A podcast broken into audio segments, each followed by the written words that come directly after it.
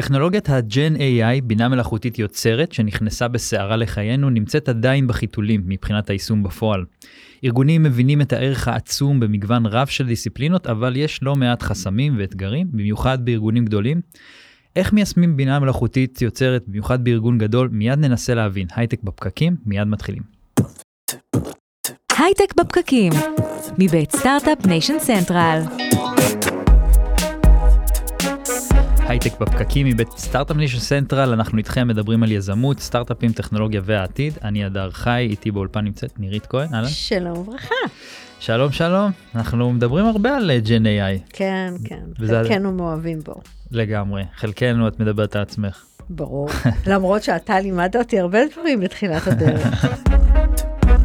וזה, אני חושב שזה עדיין לא מספיק, כי כל הזמן דברים ככה צצים ומתחדשים ומשתנים. אז אני נזכרתי שכשהם אה, הכניסו את האקסל, סליחה, אבל אני כזאת זקנה, אז אה, לארגוני הזמן, והוא בנה אה, חדרי מחשבים, ולקח איזה ספק, ועשה על פני רבעון קורסים שלימדו אותנו Mhm. לעבוד באקסל. היום אם אתה מרים את תוך העיניים, רבעון כבר שנייה, הכל משתנה. מה רבעון? כאילו, ש... אני, אני כותבת אה, איזשהו מסמך, ואז אני אומרת לעצמי, טוב, אני הולך לבדוק אם יצאה כבר האפליקציה שתהפוך אותה ל-PDF יפה. כן. ממש ככה, הכל משתנה, וראית את אה, מה ששחררו עכשיו אה, סורה, OpenAI, זה- כולם ראו. אני רוצה נורא, אבל לא נותנים. לא נותנים עדיין, אבל אה, ייתנו, וזה גם אה, יעשה אימפקט לדעתי מטורף זה, בעולם יש לזה העבודה. הרבה, כן, הרבה אנשים הרבה השלכות בדיוק. לדעתי, בכל מיני סוגים. קולנוע, עניינים, ראיתי שאיזה מישהו שרצה להשקיע 80 מיליון דולר באולפן טלוויזיה וכל מיני דברים כאלה. שישקיע עכשיו, ההפקה אה, שהוא לקח את זה צעד אחורה. כן, ש- שיקנה לפטופ. כן, זה די מטורף. טוב, אנחנו נדבר היום על אה, Gen AI ב- בארגונים, כי זה גם איזשהו... נכון. דרך אגב, מה, אם היית עכשיו באינטל חזרה, מה, איך, איך היית מתייחסת לא, לזה? אני רואה את זה כל יום. ארגונים, הרבה מאוד ארגונים, הם קודם כל חסמו. אני זוכרת שבאחד ה, באחד הפוסטים כתבתי שהם... הם, אני, אני זוכרת את הדיון המאוד רציני שהיה באינטל אי שם לפני המון שנים, כשנכנס האינטרנט, האם לאפשר את זה בארגון. כן, פתאום וה- זה נראה... והיה שם מישהו אינטליגנטי מספיק שאמר, אתם לא יכולים לקבל שום החלטה חוץ מכן. מהמם. עכשיו תשימו את ה-guard rails, מה מותר, מה אסור, כאילו, זו שיחה אחרת. אני- ואני חושבת שאנחנו חוזרים לאותה שיחה, זאת אומרת, יש עכשיו, יש המון ארגונים שמרוב יזלוג לי משהו ואני לא... לא מקטינה את, ה, את הסיכון, עצרו. כן. כן. אומרת, אתה לא יכול לעצור, אנשים, אז הם הולכים לטלפון שלהם בצד ועושים את זה, מריצים את זה בצד. זה הולך להיות, אה, להישמע כמו מה שאת מספרת על האינטרנט אה, בעתיד כנראה. כן. ובשביל לדבר על זה נמצאת איתנו כאן אה, רינת זילברשטיין, סגנית נשיא בחברת AT&T העולמית ומנכ"לית מרכז המו"פ בישראל. שלום רינת. היי, בוקר טוב. אז בוקר טוב, אז נדמה שאתם ככה לקחתם את זה באמת בשתי ידיים, את היישום של ג'ן AI. לגמרי, הכי בסערה שיש. האמת שזה זה משהו מאפיין ככה בשנים האחרונות, ההסתערות הזאת על כל דבר חדש, כי יש איזה משפט כזה שאני כל הזמן אומרת, אם אתה לא קופץ על הרכבת, אתה לא, אתה פשוט מפסיק להיות רלוונטי. אז אני חושבת שג'ן AI הוא אחת מהדוגמאות, נדבר אולי עוד, על עוד כמה בהמשך, אבל כבר שאופן AI התחילו להיות ככה משהו יותר משמעותי לקראת סוף שנה שעברה, אה, בעצם עשינו שני דברים שקרו במקביל. דבר ראשון, קבוצת הדאטה של הארגון אמרה, אין דבר כזה שאנחנו מתעלמים או נותנים לדבר הזה לחלוף לידינו, והיינו מהראשונים שפנו למייקרוסופט, שבעצם מייצגים את OpenAI, ואמרו להם, איך עושים גרסה כזאת ארגונית? כי אנחנו, אנחנו יכולים להיות שם, עכשיו רק צריך למצוא את הדרך. אה, עבדו לדעתי משהו כמו חצי שנה ביחד עם מייקרוסופט, לייצר אה, סביבה שהיא בעצם מוגנת. ומוגנת זה הגנה בהמון המון שכבות, כי אתם יכולים לדמיין, AT&T, חברה אמריקאית חשוף, מהגדולה, מהגדולות בעולם, ש... לא פשוט, לא פשוט נותנת האירוע. את uh, שירותי החיבוריות ל- לבית הלבן, לצבא האמריקאי, ל... אין דבר כזה שמידע יצא יכול החוצה. לדלוף, נכון. Uh, אנחנו תחת החוקי רגולציה הכי כבדים שיש.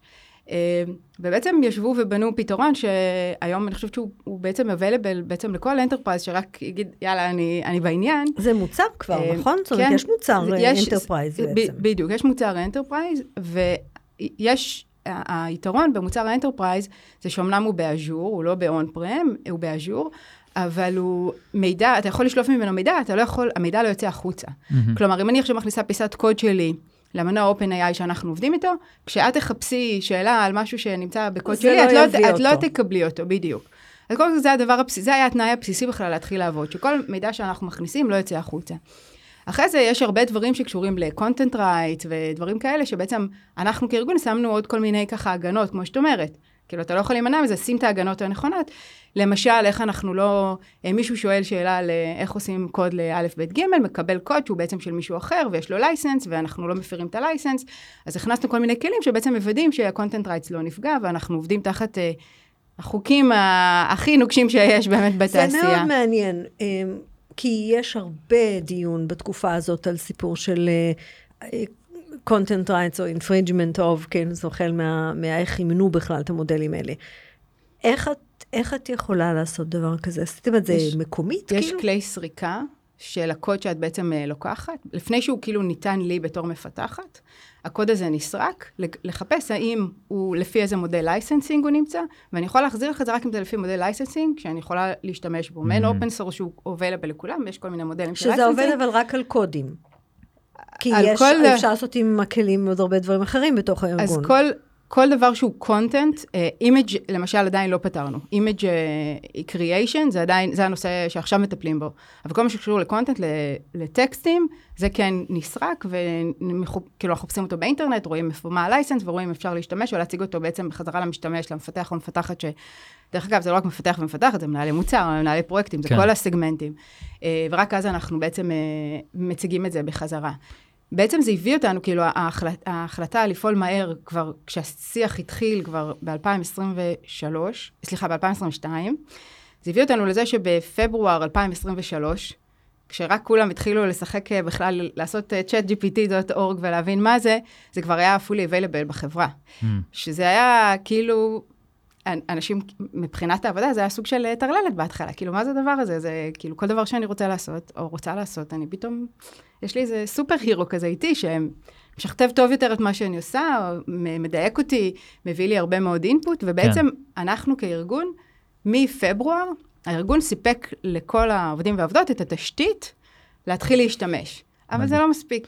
זהו, ברור. רציתי להגיד, כאילו, אנחנו רואים שיש גם אנשים שפוחדים מזה, שהם רגילים לדרך שלהם. אז- אבל יפה שכאילו אה, בעצם חלק מהעניין זה בכלל לדבר רגע על איך פותרים את החסמים. זה, זה נכון. חתיכת, חתיכת אתגר. נכון. ואז עוד לפני שבכלל אנחנו מדברים על אימות ועל יישום ועל כל הדברים המרגשים, יש את הדברים במרכאות אפורים מש- או משעממים לחל, לחלקנו שהם בכלל קשורים באבטחה וברגולציה וכל הדברים כן. האלה.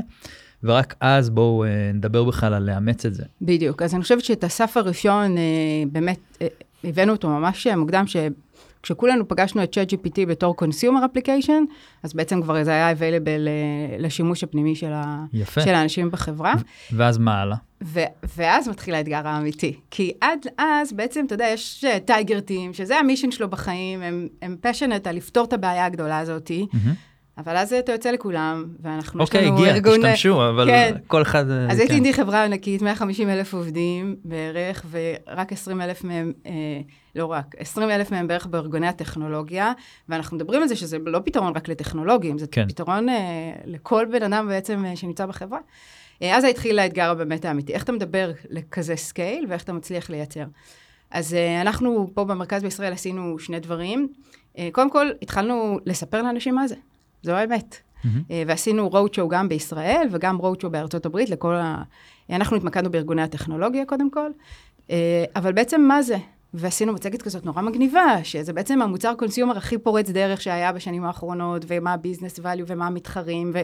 ונתנו use cases מהחיים של איך אתה מתכנן טיול, ואיך את אה, מקבלת עצות, ואיך את מנהלת דיון פנימי בעצם עכשיו עם ChatGPT. כאילו ניסינו קודם כל בכלל עוד לפני לדבר על אה, איפה זה פוגש אותך ואותך בעבודה, אלא בכלל כאילו לייצר איזה היכרות לכל העולם הזה בצורה הרבה יותר אה, זה. היום זה כבר אה, נראה מובן מאליו, אבל במרץ אה, 2023 זה ממש- כן, זה ממש לא היה... גם היום זה לא מובן מאליו, כן. אבל כן, נמשיך. אז זהו, זה מצחיק, כי איך שעשינו את ה-road show הפנימי הזה בכל אה, רחבי AT&T ובישראל, אמרנו, יאללה, בוא נעשה מיטאפ פה בתעשייה בישראל.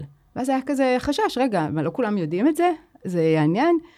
פתחנו סדרה של שישה מיטאפים, שכל פעם מעמיקים ברמת הידע וברמת ההיכרות לעולם הזה, וכולם היו fully booked. פתחנו סדרה שנייה על אותו נושא, ואז עשינו, כאילו, פתאום הבנו, כמו שאת אומרת, שכולם אומרים, כן, כן, אני מבין, אני מכיר, אבל זה עולם שלם, זה כמו, כן. זה, זה, זה, זה כאילו באמת עולם שלם בפני עצמו, וזה לא... וזה גם כל הזמן משתנה. וזה כל הזמן משתנה. Uh, הנה, עכשיו אנחנו מתחילים סדרה נוספת של מיטאפים בנושא, כי זה באמת לא, לא, זה לא נגמר, וזה כמו uh, טכנולוגיה, כמו כל טכנולוגיה, uh, אתה יכול להעמיק יותר ויותר ויותר ויותר, ולקבל תוצאות הרבה יותר uh, uh, אמיתיות וטובות. אז כאילו זה, באמת, יש פה endless opportunities, uh, ורק צריך, uh, צריך לתפוס אותם ולקחת. אז הדבר הראשון היה באמת לספר לעולם מה זה, בסדר? Mm-hmm. זה... אה, דבר. ואז אה, עשינו מהלך אה, מאוד מתודולוגי, ואמרנו, רגע, איפה אנחנו רוצים אה, לקחת, אה, אה, להעמיק בנושא? ואנחנו פה בישראל לקחנו את כל הנושא של ה-Software Delivery Life Cycle, בעצם זה כל תהליך המחקר והפיתוח של מוצרים, איך ג'ן AI עושה טרנספורמציה לדבר הזה. חוץ מזה שהיו מעין טייגר טים שהסתכלו על המוצרים עצמם וראו בעצם איזה אימפקט זה יכול לעשות למוצרים, אבל דווקא הסתכלנו על המקום התהליכי, כי זה יכול לתת את האימפקט הכי גדול, זה לא מוצר אחד, זה פתאום כל מה שאנחנו עושים, איך שאנחנו עושים, זה פשוט בוא נעשה אותו קצת אחרת. זה אגב, זה אגב נקודה מאוד חשובה שהרבה פעמים אנשים, שאנשים עדיין מפספסים אותה, אנחנו חושבים על הכלים האלה ככלי, ובעצם הפואנטה זה איך אתה בונה process אה, שמשתמש בכלים, אבל יושב על, על המומחיות שלך, או פשוט אה, איך נגיד את זה, מוציא חלק מהעבודה ל, אני, לכלים. אני חושב שזה, את יודעת, אני חושב שזה ממש mindset. זה לא, כן. זה לא בהכרח כלי כזה או אחר, זה ממש לחשוב קצת נכון. בצורה שונה על איך שאתה עושה דברים. Uh, בכל דבר שאתה עושה, נכון. אתה פתאום מתחיל לחשוב, רגע, איך אני הופך את זה ליותר יעיל, איך אני משנה, איך אני uh, מייצא חלק מהחשיבה שלי לזה. אני חושב שזה אפילו מזכיר לי קצת את ה... את השינוי תפיסה שהיה לי כשהתחלתי להפעיל אנשים אה, מרחוק או, או עוזרים וירטואליים כל מיני דברים כאלה כאילו שאוקיי אני לא חייב אה, לעשות הרבה מהמשימות שהייתי עושה. אה, אני יכול אה, להתחיל להפעיל אנשים אחרים כדי לייעל את הזמן שלי אז פה אני כאילו לוקח לוקח את זה עוד צעד קדימה ו, וזה יכול להופיע בהרבה מאוד אה, אופנים וצורות. נכון. אני ממש מסכימה יש כמה מנהלים ומנהלות בכירים בארגון שאצלנו פה בישראל שמובילים את זה. אחת מהם יעל גולדברג כץ ה mindset של, ה statement שלה כל הזמן זה Gen AI first. כל מה שאת באה לעשות, Gen AI first. כל הזמן תחשבי האם מה שאת באה לעשות ברגיל, כי היית רגילה, האם את יכולה להשתמש באיזה כלי של Gen AI כדי לעשות את זה אחרת. אז איך מוצאים? אני חושבת שחלק מהבעיה זה שא', הם נולדים כל שעה, וב', אה, אתה לא, אתה לא, לא מצליח לעמוד בקצב. נכון. איך מוצאים? כי, כי להגיד שהארגון יאכיל אותי בכפית זה לא חוכמה. Uh, לגמרי לא. אני חושבת שבסוף, uh, כאילו, אני יכולה להגיד איך אנחנו תקפנו את זה. חילקנו את ה-Software Delivery Life Cycle, בעצם את כל תהליך פיתוח המחקר, וה, המחקר והפיתוח, חילקנו אותו לשלבים, שהם שלבים שהם קיימים בתעשייה, זה לא משהו שאנחנו המצאנו, ובעצם יש אחריות דיסציפלינרית לכל אחד מהשלבים. כלומר, product managers מגיעים ועושים את המחקר, והם באים כותבים את ה-user stories, ואת ה epics, ואז אחרי זה זה עובר לפיתוח, לארכיטקטים, ואז פיתוח, ו... זה, זה נשמע כאילו נורא waterfall-י, uh, אבל זה לא, זה קורה, כולם עובדים באיטרציות מאוד מאוד קצרות, אבל לכל אחד יש את, ה, את הנתח שלו בעוגה ב-Software Delivery Life Cycle. Uh, ואז אמרנו, טוב, כל דיסציפלינה כזאת צריכה לקחת אחריות על העולם שלה. כי גם אף אחד לא יכול, את יודעת, את לא יכולה באמת, אם את לא מנהלת מוצר, את לא יכולה באמת לבקר יכולות של ניהול מוצר, כי את לא תדעי... אז בעצם כל דיסציפלינה לקחה את החלק שלה, ונתנו לכל דיסציפלינה את שלל הכלים המורשים. עכשיו, יש מספר כלים שאנחנו עשינו להם וריפיקציה. אני לא, אנחנו לא מאשרים uh, ללכת לכל כלי בחוץ. כל כלי חייב לעבור וריפיקציה של החברה, בדיוק כמו אותם דברים שדיברנו בהתחלה. ובעצם uh, כל דיסציפלינה ודיסציפלינה עשתה מחקר, ואמרה, רגע, ביום-יום שלי, ככה זה הולך לעבוד.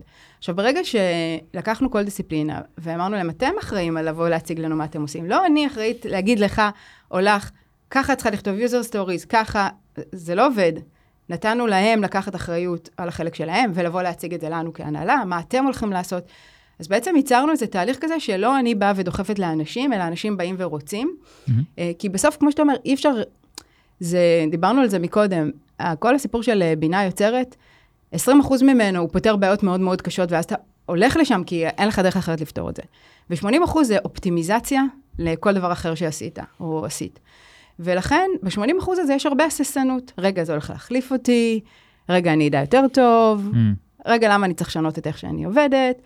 אז כדי גם יש משהו כאילו קצת, אה, אתה- אתה לא כל הזמן רוצה, לי- אתה בסוף יש לך עבודה, אתה לא כל הזמן רוצה להתחיל להתעסק באיך אני עוד קצת משפר ואיך זה, ולפעמים גם אה, ללמוד את הכלי ולהבין איך לעבוד איתו, זה, זה עוד משאבים שהם צורכים ממך אנרגיה וזמן. נכון, ואנשים באופן כללי לא תמיד אוהבים שינויים. כן. אז איך- אני, אז- אני אז- מכיר ואני מכירה את מה שאני עושה, ואת זה, אז איך גרמת להם לחזור. אלייך ולהגיד לך, אה, אוקיי, בדקנו והנה מה שאנחנו נשנה, כי זה חלק מהסיפור, אני משאירה לכל אחד להחליט את זה, אז הם עשויים להחליט שמתאים להם להישאר איפה שהם כן, אבל מכיוון שאת מדברת על דיסציפלינה, וזו קבוצה של אנשים, אז א- א- את לא תראי בינוניות בקבוצה. תראי כן. אולי בן אדם אחד שהוא בוחר להישאר בבינוניות, אבל כשמסתכלת על קבוצה, היא רוצה להצטיין ולהראות את הדברים הכי... הכי מגניבים והכי סקסיים והכי כן, זה. ותמיד יש את אה, ה-early adopters בקצה. כן. בדיוק. אבל הקבוצה לקחה על זה החלטה, היא לקחה את הרעיונות, היא לקחה את האחריות על להטמיע את זה, וכל הזמן אנחנו עסוקים בלייצר הייפ סביב- זה, ולהראות שכאילו אין, זה עתיד. אם לא תעלה על הרכבת או לא תעלי על הרכבת, לא תהיו רלוונטיים בתעשייה, אנחנו בתעשייה שהיא משוגעת, היא מתפתחת כל יום, זה לא רק בינה מלאכותית, זה כל שאר הדברים. מי שלא כאילו מחבק או מחבקת, לא יהיה רלוונטי, כי, כי אי אפשר אחרת. אותו בן אדם שעושה את אותה משימה עם בינה מלאכותית, או בלי בינה מלאכותית, התוצאות של מי שהוא באותה רמת ניסיון, בסדר? מי שמשתמש בבינה מלאכותית, ברוב המקרים התוצאה, אם הוא יודע לעבוד איתה, היא תהיה יותר טובה. איך כאילו, אתם, אפשר, איך אה, את מראים יודעת, את זה? זה, אני זה, ככה... סליחה, אני חייב כן. להגיד, לפעמים הופכים אותי כאילו לזה שכאילו יודע להפעיל את זה, כזה אנשים מהמשפחה, או חבר'ה, הדר, תעשה לי את ה-AI שלך, אני צריך, אני, יש לי איזה משהו לפתור, אתה יכול לעשות לי את זה, וזה כזה, כאילו, זה, זה לא כזה בעיה לעשות את זה, אבל כאילו נהיית, ה- ה- בגלל שאתה כאילו אתה ידוע אומר, בתור זה לא זה, הפואנטה, אתה- כן. אתם צריכים ללמוד לעשות את זה. כן, אבל יותר מזה, אתה, אתה הופך להיות, זה, זה משהו שהוא compounding, כאילו זה ברגע שאתה מתחיל לעבוד עם זה, ואז אתה גם, אתה, אתה לאט לאט אה, נהיה יותר ויותר טוב בזה. נכון. אז, אה, אז פשוט צריך להתחיל אגב, כאילו... זה הדדי, הוא לומד אותך, אתה לומד אותו, זה הדדי. כן. אז אה, זה משהו שפשוט צריך להתחיל, ואז אתה כבר נכון. נכנס לתוך העניין. אבל כמו שאמרת מקודם, אנשים באים בבוקר, יש להם משימות, גם ככה החיים אה, עמוסים. כן. למי יש זמן עכשיו ללכת להאט את הקצב בשביל ללכת ללמוד משהו חדש? אבל זה, אבל זה. נכון לכל דבר. נכון, זה נכון זה לכל נכון דבר. לכל דבר. אבל ברגע ש... אני חושבת שמה שעזר לנו זה שייצרנו הייפ ארגוני מאוד אה, נכון. חזק סביב אני זה. מסכימה. וש... ו- ושההנהלה מחבקת את העניין הזה, אז זה מחבקת נותן ורוצה איזושהי לשמוע, רוח גבית. ותתגאו במה שאתם עושים, ולספר את זה, ו- וזה כן, שלקחנו. את האחריות על זה גם מול כל ארגוני הטכנולוגיה של AT&T בעולם, זה כאילו גם נתן לנו איזה כזה ככה גאווה, אה, כאילו, גאוות יחידה של... אז אנחנו באים ומספרים את הבשורה, אנחנו חייבים להיות ה-early adapters של כל הדבר הזה, ולהביא את הרעיונות הכי משוגעים שיש. כן. לפני שבועיים אה, עשינו האקתון, שהיה אמור להיות גם ב-8 באוקטובר, 9 באוקטובר, ולא קרה, והזזנו אותו לעכשיו. אה, עשינו האקתון ג'ן AI, והמטרה הייתה, מעבר לרעיונות שיצאו מזה, זה כאילו לרתום את כולם. בכלל בואו תשחקו, כאילו מי שעדיין לא. בואו תשחקו, בואו תנסו. כאילו, התהליך למידה היה הרבה יותר קריטי מ- מ- מהתוצר. אבל מה שהיה מדהים, אז כבר חשבנו כאילו מה יכלו לחדש, מה... היו רעיונות מה למשל? איזה... תני לנו קצת... אה, וואי, אני לא יודעת אם זה לא יהיו פטנטים עוד מעט, אז אני לא... בהחלט, השני רעיונות הראשונים, הם, לדעתי, אנחנו יכולים לעשות עליהם פטנט, כי הם באמת היו וואוים. שאני אבין שזה שימוש, שימוש שאנשים עשו בכלים שהם available לכולם, כן, לצורך זה העניין. אופטימיזציות. תראי, קודם כל, כמו שאמרתי, יש, יש פה כמה רובדים. יש את, את התשתית שניתנה על ידי, ניתנה וממשיכה להתפתח על ידי הארגון, זה דבר אחד. כן. אחרי זה עוד משהו שעשינו במרכז בישראל, זה אמרנו, אוקיי, יש, יש הבדל בין אה, בסוף לתשאל אה, מנוע כללי, לבין אה, לגרום למנוע הזה באמת להכיר את מה שאנחנו עושים. אז הקבוצה בישראל גם לקחה את כל הקוד שלנו, ובמוצרים מסוימים, לא בהכל, ובעצם יצרה שכבה נוספת על גבי המנוע, ובעצם ה-value למפתח ומפתחת הוא פתאום, הוא, הוא מטורף, כי את לא שואלת שאלות כלליות. זה משהו אחד. את פתאום יכולה לשאול שאלות שהן based על הקוד שלך, נכון. על ה testing script שלך, על הארכיטקטורה שלך, ופתאום המשחק משתנה לגמרי. כי את מקבלת, את, את לא שואלת שאלות כלליות, את מקבלת תשובות על המוצר. למשל, את רוצה לעשות עכשיו reverse engineering למשהו. לכי תדעי, את יודעת, בעבר היית צריכה לקחת עכשיו קוד, לקרוא אותו, לעשות reverse engineering, לעשות design מחדש, להביא את ה requirements. אין את זה. פשוט שואלת את המנוע שבנינו מעל ה-OpenAI. מנוע שבעצם יודע לחבר בין הדאטה מה-OpenAI והדאטה הארגוני שלנו, ופתאום את מקבלת insights ארגוניים. וזה בעיניי היה אחד מה-game changer'ים המאוד משמעותיים, כי זה התשתית זה הכלים שאתה מפתח או מפתחת על גבי התשתית, ואז זה אופן העבודה, האימפלימנטציה ואופן העבודה שלוקחים את הדבר הזה. זה ממש חוות כאלה, שכאילו צריך, צריך, אי אפשר, אי אפשר לדלג על שום דבר, זה ממש חוות כאלה כן. שצריך לדאוג ש, שקורות uh, בארגון. אין לי ספק שהעתיד יהיה ב, ביכולת בעצם לעשות פרסונליזציה, נכון. uh, ל, להשת, לחבר בין הכלים האלה לבין, ה, לבין הדאטה האישי או הדאטה הארגוני. אה, וליישם את זה ככה. גם על גבי מה שסלק עכשיו מוציאים, אה, על, על, אפשר להתחיל לשאול את סלק על, על דברים שקורים בארגון, מה קרה בדיון הזה והזה, ובמקום להתחיל לקרוא, אה, גם מה קורה בתוך המוצר שלך, גם מה קורה בתוך הקוד שלך, גם דברים אישיים עליי, כאילו משהו שמכיר אותי ויודע גם עליי. גם פרסונליזציה אפילו ברמה של איך אתה כותב, מה, מה הסגנון מה שלך. מה הסגנון שלי, זאת אומרת, בסוף הפוטנציאל הגדול שאני רואה זה באמת היכולת להתאים, לעשות את ההתאמות. אה, לפי בן אדם, לפי ארגון וכולי, ואני חושב שגם ה-IP שייווצר המשמעותי, יהיה ב, ביכולת לצבור דאטה טוב, כדי שה... כי זה בעצם יהיה המכפיל כוח, כי ברגע בדיוק. שאתה מיישם את הכלים האלה על הדאטה הנכון, אז יש לך פה המון המון כוח. אומרת, אני, זה... אני בגלל זה בדיוק חושבת לעצמי, דווקא בגלל שאת חיה בתוך um, חברה גלובלית, הרבה פעמים אנחנו מרגישים שאנחנו um, סניף לצורך העניין, שאין לנו את הכוח לייצר את התשתיות האלה. זאת אומרת, אנחנו כאילו אה, מחכים שמישהו יעשה את זה בשבילנו. איך זה קרה שלקחתם על הדבר הזה בעלות והרצתם אותו? אה, שאלה טובה. אני חושבת שקודם כל צריך שותפים טובים למסע.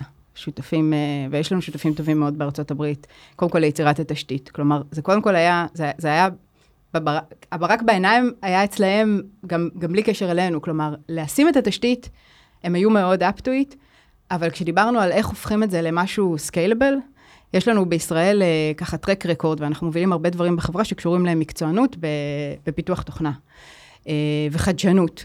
Uh, ואז כשאנחנו, את יודעת, אנחנו היינו הכי, הראשונים שאמרנו, בוא נעשה מיטה, בוא נעשה זה, את יודעת, כאילו קפצנו ישר כי, כי הרגשנו שזה מי שאנחנו, אז נורא מהר זה כאילו התקבל בחיבוק.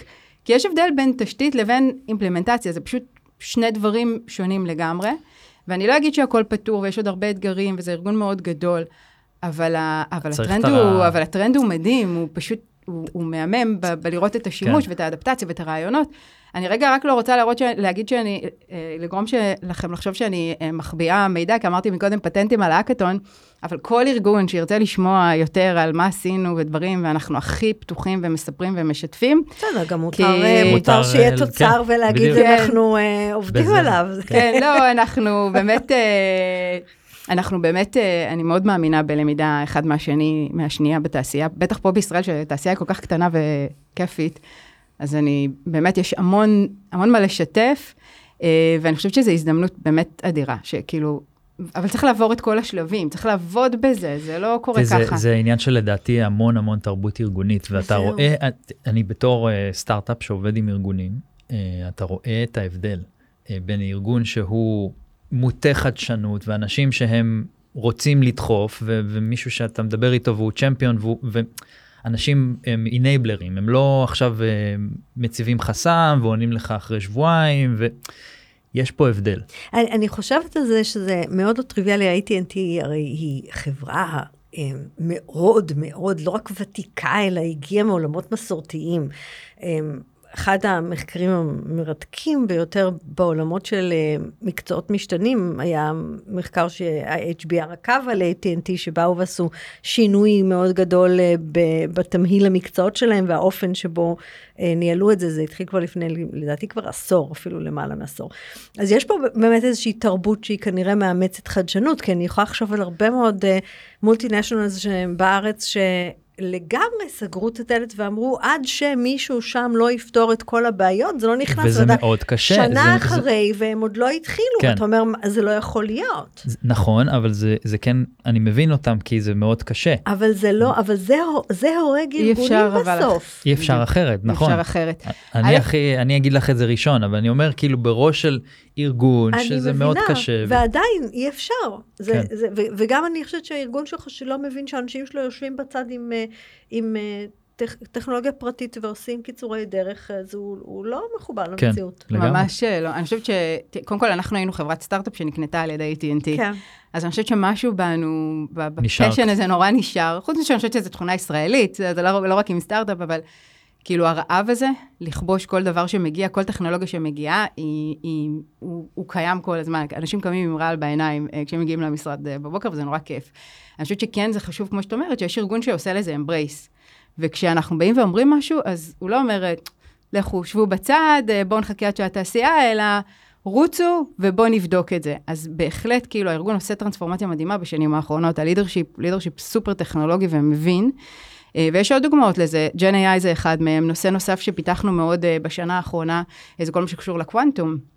אה, וזה גם, הנה, זה הרעב הישראלי, שכבר מדברים על קוונטום לא מהיום, אה, אבל היינו מאוד קונקרטיים באיזה בעיה באמת AT&T should go after בכל הנושא של quantum computing, אה, ובעצם אה, עידו שרגיל מהמרכז לקח את זה כיוזמה ובנה ממש תוכנית לאיך חברה צריכה להתמודד עם זה ומה אנחנו צריכים לעבוד.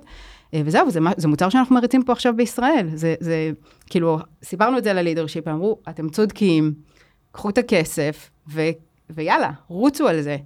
אז, אז זה, זה, זה, זה דוגמה בעצם מאפיינת של... זאת אומרת, מסתכלים יודע- קדימה, מזהים את השינויים, את הטכנולוגיות, את המגמות, ואז אומרים, בואו נשים בצד זמן תקציב ותשומת לב, בדיוק. ללכת על זה. בדיוק, נותנים לזה את ההזדמנות באמת לראות אם הדבר הזה באמת אה, הוא חשוב וזה. עכשיו, יכול להיות שבעוד שנתיים החליטו שזה לא הכיוון, הכל בסדר. אבל אנחנו, יש לנו כזה אמרה שבכל אה, חדר אצלנו זה סטארט-אפ. חלק מהם מצליחים, וחלק לא, וזה בסדר. כן. זה חלק מהמסע, בטח בחברה אה, כן. כל כך גדולה עם כל כך הרבה מוצרים. אוהבים לדבר על חדשנות, חדשנות זה בסוף הרבה כאב והרבה סיכון והרבה התנגדות והרבה בעיות ואבטחה ורגולציה וכל הדברים הלא חוץ מזה, אם נעימים נכשלת, סימן שלא ניסית. וכישלונות, אז, אז, אה, וסיכון מסוים, אז צריך גם לקחת את זה בחשבון, זה לא תמיד כזה אפי אפי וכיף. לגמרי, וצריך הרבה הרבה סבלנות. אה, חיים אה, מהמרכז שהוביל הרבה מאוד מהאימפלימנטציה של ה Gen AI בהתחלה. היה painful עד שמצאו את כל הכלים ועד ש... זה היה מאוד, זה היה תהליך שהוא בהתחלה, כן, הוא, הוא לא כואב נעים. והוא קשה. אבל זה חלק מהדרך, כאילו נכון. צריך להסתכל על זה כמשהו מרגש שמביא לתוצאה חיובית אז יותר. אם את מדברת עכשיו למנכ"לים ששומעים אותנו, שאפילו הם יכולים להיות מקומיים ויש להם את השליטה, והם יכולים להיות של multinationals והם מרגישים קצת פחות, מה, מה ההמלצה שלך? איך, איך לתקוף את הדבר הזה? אז הייתי אומרת, תראי, זה קל להגיד, קשה לעשות אם אין לך את זה, אבל צריך לשמור אה, על הרעב הקבוע הזה, אה, כל הזמן לטרוף כל דבר חדש שמגיע. כי, כי ככה, אז זו התעשייה שאנחנו נמצאים בה. אה, כמו שאמרתי, זה ב-Gen AI, זה בקוונטום, זה עכשיו כל מה שקורה עם Vision Pro, בעיניי יש פה עולם שלם שהולך להיפתח בפנינו, ומי שלא ילך ויחקור ויבין את ה-benefits ואיך זה הולך לשנות את עולם העבודה ואת עולם האינטרטיימנט, יפספס משהו. ויש לי עוד עשר דוגמאות כאלה של דברים שהם מתפתחים, וצריך להיות כל הזמן רעבים ולתפוס את הדברים האלה. חלקם יהיו מעניינים יותר, חלקם יהיו מעניינים פחות. ברגע שתפסת משהו, צריך לתקוף אותו בצורה אה, סיסטמטית. זה לא כאילו לזרוק משהו ולהגיד, הנה, לא. מחקר אה, כמו שצריך. עכשיו, אני לא מדברת על אה, לשים עכשיו 30 צוותים שיבדקו את זה. עושים טייגרטים, שלושה אנשים סופר מוכשרים ומוכשרות, הולכים, חוקרים את הנושא הזה ומביאים, בונים סיפור ש, ש, שיכול להחזיק מים אה, אל מול המטרות, מאשרים את זה ומשם גדלים. יש עוד קבוצה אצלנו, אה, שדרך אגב עכשיו מתראיינת בפודקאסט אחר, אה, שהם באו עם אה, יוזמה לכלי ארגוני, אה, ש, אה, שעוזר למדוד את הפרודוקטיביות של הצוותים ואת המקצוענות של צוותי הפיתוח. משהו מדהים, התחיל בשני אנשים, אחרי זה שלושה אנשים, אחרי זה זה, היום זה כבר קבוצה של מעל 50 איש, שכל ארגוני הטכנולוגיה ב-AT&T משתמשים במוצר שלהם, אה, להיות כל הזמן ב-continuous improvement של הצוות, לתת להם מדדים של איזה מוצר כיפי, מהמם, מרגש. ואותו דבר, זה שיטה, זה שיטה, תתחיל בקטן, תבנה סיפור, תראה שהוא מושכל, כמו כל סטארט-אפ. product market fit לגמרי. בול, בול. לגמרי, מדהים. ויש לך עוד דוגמאות לדברים ככה, יישומים, סתם כדי להצית לנו את הדמיון קצת? מה שלא ב-IP protected? אז אני חושבת שאלה הדברים הגדולים שאנחנו אה, אה, מתעסקים בהם. אנחנו מתעסקים בנושא של כל מה שקשור למקצוענות אה, בפיתוח תוכנה, כמו שדיברתי על המוצר הזה, שבעצם עכשיו, אה, חלק מהדבר הזה ייצר אה, עוד אה, מוצרון, שהוא הופך להיות עכשיו אה, מוצרון אה, גם סופר מעניין. אה, בעצם כדי להציג לצוותים את המדדים שלהם, על איך הם עובדים וכאלה, בעצם ייצרנו סוג של Data Warehouse, עם כל המידע של כל מה שעושים בקוד, ב testing, ב production, Data Warehouse מדהים. והוא פתאום הפך להיות מוצר בפני עצמו, כי יש לך את ה data warehouse, אבל אתה יכול להוציא אינסייטים. אחד האתגרים בחברות גדולות, זה להבין מה קורה, לא נעים להגיד. כן. דשבורדים, כאילו דאטה, דשבורדים. כל כן, ה- אבל, אבל נורא נורא ב scale מסוים, לפעמים קשה לעשות חיבורים בין דברים גדולים, או לייצר אינסייטים שהם cross organization, ובעצם הקבוצה הזאת יצרה אה, סוג של אה, מוצר שנקרא Organizational Insight, שמאפשר לנו כארגון להבין איזה, את יודעת, יש לנו, ארגון גדול, יש לנו 7,000 אפליקציות ב- באמתחתנו. אה, אז בעצם הם הצליחו לייצר אנליזה מאוד פשוטה, כמה מהם יש בהם בכלל coding activity, כמה יש בהם שימוש ב production, כמה כסף מוציאים עליהם, כמה כסף אפשר לחסוך, כמה licensing יש עליהם. פתאום כאילו, אתה יודע, אני דיברתי על זה עם ה-CTO של החברה, הוא אומר, כאילו ניקיתם לי את המשקפיים, ועכשיו אני רואה clear לארגון טכנולוגיה כזה גדול ב scale. ואז פתאום נוצרו המון הזדמנויות ל saving. כי ההוא עושה את אותו דבר שההוא, ואתה- Mm, זה, זה ארגונים גדולים, הדברים האלה קורים. כן, ברור. אבל פתאום זה מייצר איזו בהירות כזאת, והחבר'ה האלה בעבודה של, אה, לא יודעת, חודשיים, אה, יצרנו saving של אה, 80 ומשהו מיליון דולר, וואו. תוך איזה חודשיים. את יודעת מה, אני חושבת, יש לי שאלה אבל אלייך אחורנית. זאת אומרת, לכל אחד מהאנשים יש בדרך כלל day job, ותמיד יש לחץ של head count ופרויקטים ודברים שלא עושים אותם. זה ה day job שלה, אבל. לא, שלה, אבל, אבל האנשים, האנשים שעושים פתאום, פתאום עושים את זה, ופתאום עשו את זה, ופתאום עשו את זה, זה, אני זה חושבת לא היה שזה ה day job שלהם. נכון, אבל אני חושבת שזה תרבות innovation של no matter what. כי אי אפשר, תמיד אפשר להגיד, רגע, אם אין לי את הריסורסים to innovate, אז אני לא מסוגלת לבוא עם רעיונות. אין, אני לא מאמינה בזה, אני מאמינה שאם יש לך את הרעב, את הפשן, את, ה- את, עושה, את, את עושה את זה, כאילו, כי זה חשוב לך, כי בא לך. אז ברור שלפעמים זה או שאתה עובדת יותר קשה, או שפתאום מתפשרת על משהו בתיאום לפעמים עם המנהל, או המנהלת אם צריך, אבל, אבל זה צריך לבוא מבפנים, וברגע שזה כן. מה בא מבפנים ויש לך את האנרגיה הזאת, אז זה קורה. והנה- אחרת, והנה כל היום, חזרנו אה, לתרבות. לגמרי. אחרת כל היום, את יודעת, אפשר לדבר על יש לי ריסורסים, אין לי ריסורסים, יש לי זה, זה, אז אני אוריד את ה capacity של... אה, לא, לא מעניין, לא. לא מעניין. תגרום לזה לקרות. גרמו לזה לקרות. ובאמת, כל הדברים שקרו בשנה האחרונה, זה דברים שבאמת, כמו שאת אומרת, זה on top of the day job. גם יש לנו קבוצה שמובילה עכשיו את אחד המוצרי סייבר הכי מתקדמים שה-AT&T יצא איתם החוצה, ל... אה, היה announcement שבוע שעבר. אה, מוצר סייבר שבעצם מגן על, על ה connectivity. אה, ו- וזה אותם אנשים שעושים את זה, והם כאילו, אה, עכשיו עלינו להעביר כאילו מוצר כזה משמעותי, כל מוצר ב-AT&T זה חתיכת אירוע. כן. ו-on top of that, בנו את על- הקונספט של הדרך. הקוונטום, של הקוונטום, ומה אנחנו הולכים לעשות, ואיך אנחנו... אבל זה, זה, זה חלק מהכיף. זה חלק מהכיף. זה כל הזמן אתה צריך, אני כל הזמן אומרת, אתה צריך... כן, למי שרק מאזין לנו, צריך להסתכל עליה ולראות אותה מחייכת. זה כל הזמן להשקות את העצים, אבל זה גם לטוע את הזרעים, שהם יהיו בעצם הדברים הבאים. ל... לשנים הבאות, כי אנחנו בתעשייה שכל הזמן יהיו הדברים הבאים. כל הזמן צריך לחבק, לעוף על זה ולרוץ קדימה. מדהים. רינת זילברשטיין, סגנית נשיא חברת AT&T העולמית, מנכ"לית אה, פה בישראל, תודה לך, היה מרתק. איזה כיף, תודה, יום טוב שיהיה לכם. תודה לכם ולכן שהאזנתם לנו, תודה ל Start-Up Nation Central ולכלכליסט על שיתוף הפעולה, כמו תמיד, אנחנו אה, פה נמצאים, אתם יכולים אה, לדבר איתנו אם יש לכם רעיונות לנושאים. תודה לטובה שמאנוב, לינור גריסריו, אורי טולדנו, על המצלמות, אורטל כהן, תודה לך נירית כהן. תודה רבה, הדר חי. ותודה לכם עוד פעם, אתם אה, יכולים לעקוב אחרינו בכל אפליקציות הפודקאסטים, אנחנו כנראה נמצאים שם אה, כל יום חמישי. אני אדר חי, נתראה בפרק הבא.